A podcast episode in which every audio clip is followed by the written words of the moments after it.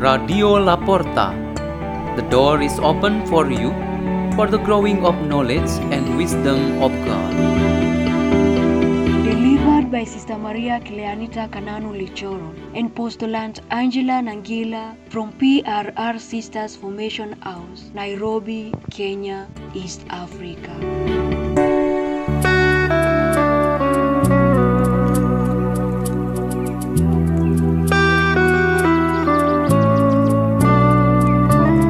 Reading and meditation on the Word of God on Good Friday, April 2nd, 2021. The reading is taken from the book of Prophet Isaiah, chapter 52, verse 13 to 53, verse 12. See, my servant shall prosper, he shall be raised high and greatly exalted, even as many were amazed at him. So marred was his look beyond human semblance, and his appearance beyond that of the sons of man. So shall be startled many nations. Because of him, kings shall stand speechless. For those who have not been told shall see, those who have not heard shall ponder it. Who will believe what he has heard? To whom has an army of the Lord been revealed? He grew up like a stumble before him, like a shoot from the parched earth. There was in him no steadily bearing to make us look at him, nor appearance that would attract us to him.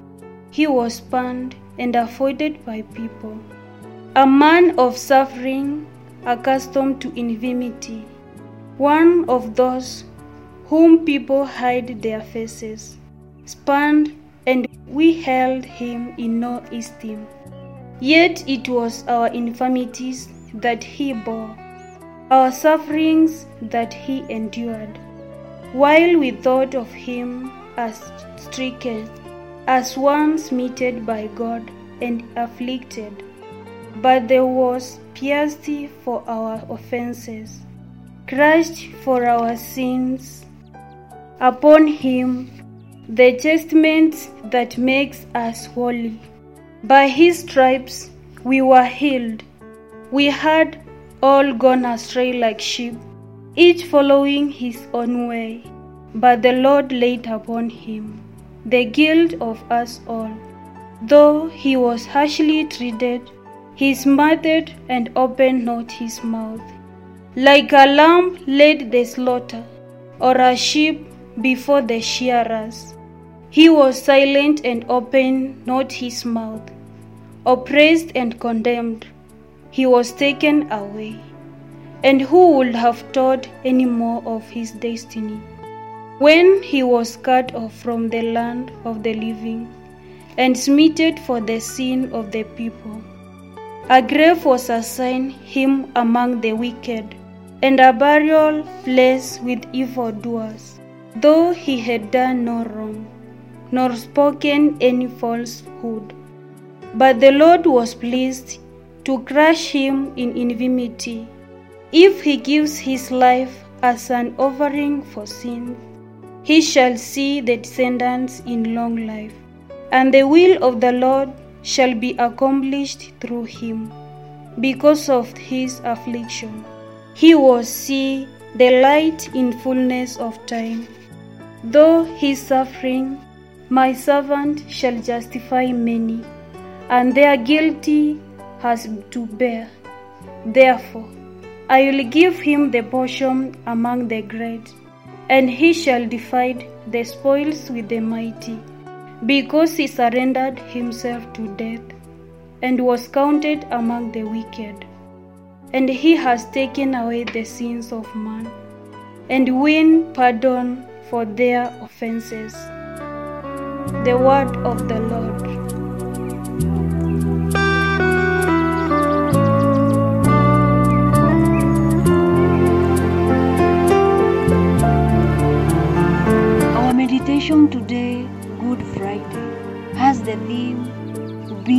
Helper for those who suffer.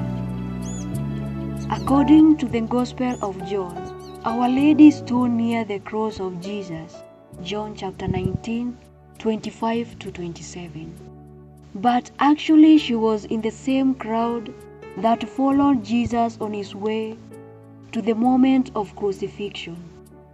The mother had once met a son along the Via Dolorosa, the Passion of the Lord. The mother looked at her son in silence and sadness, but her heart was full of God's grace. A man who made a pilgrimage to Jerusalem, Simon of Cyrene, was forced to help carrying the cross of Jesus. He obeyed even though it was not Jesus who requested him to help. Of course, Jesus was very grateful to him.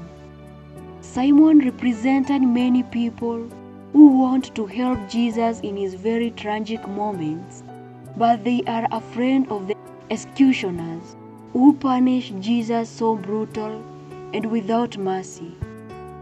They are those who directly offer their help like Simon. And there are also those whose intentions to help are carried out by others who have opportunity to help. But there are those who intend not to help and just watching Jesus from distance. Veronica is a woman who helped Jesus even though she was not found in any of the four Gospels or other New Testament writings. The story of her is found in the apocryphal writings, which are not included in the canonical scriptures that the church now has. For example, Pilate's story from the second century tells us that a woman named Veronica Bernice in Greek was the same woman who had been healed by Jesus from the hemorrhage illness. Matthew chapter 9 verse 20 to 22. Veronica defended Jesus before the Pilate that Jesus was absolutely innocent. From the 4th or 5th century, it had been recorded that Veronica had a piece of cloth with a picture of the face of Jesus. The three figures who helped Jesus in his Via Dolorosa were appropriate to illustrate that men and women followers of Christ can be good helpers to their neighbors. This help is classified into two types. The first is a kind of help in the form of corporal acts of love. A corporal act of love is shown in the carrying the heavy cross of the suffering person, like what Simon of Cyrene did. We can help to take up all the burden, a half of it, or a small part of it, and those with heavy burden can find it easy to go on in their journey of life. The type of spiritual acts also becomes an important help for those in difficulty and suffering. A presence that gives consolation, an encouragement shown, a sense of compassion expressed, and a moral or spiritual support provided. All these are acts of love that can bring joy and peace for those who are in difficulties. The common way that we do in this style is our sympathy or prayers. Through this, we actually help them to be strong in bearing the burden and be faithful always to the Lord. This help also arms to keep up their spirit and avoid any negative reaction like giving up, anger, and losing confidence. Mary and Veronica are exemplary women who have done this to Jesus Christ. We can do the same as they did. Let us pray. In the name of the Father, and of the Son, and of the Holy Spirit. Amen. O God of mercy, we beg for forgiveness of our mistakes, for not helping others who are in pain and suffering. Hail Mary, full of grace, the Lord is with you. Blessed are you among women, and blessed is the fruit of thy womb, Jesus. Holy Mary, Mother of God, pray for us sinners, now and at the hour of our death. Amen. In the name of the Father, and of the Son, and of the Holy Spirit. Amen. Radio La Porta. The door is open for you.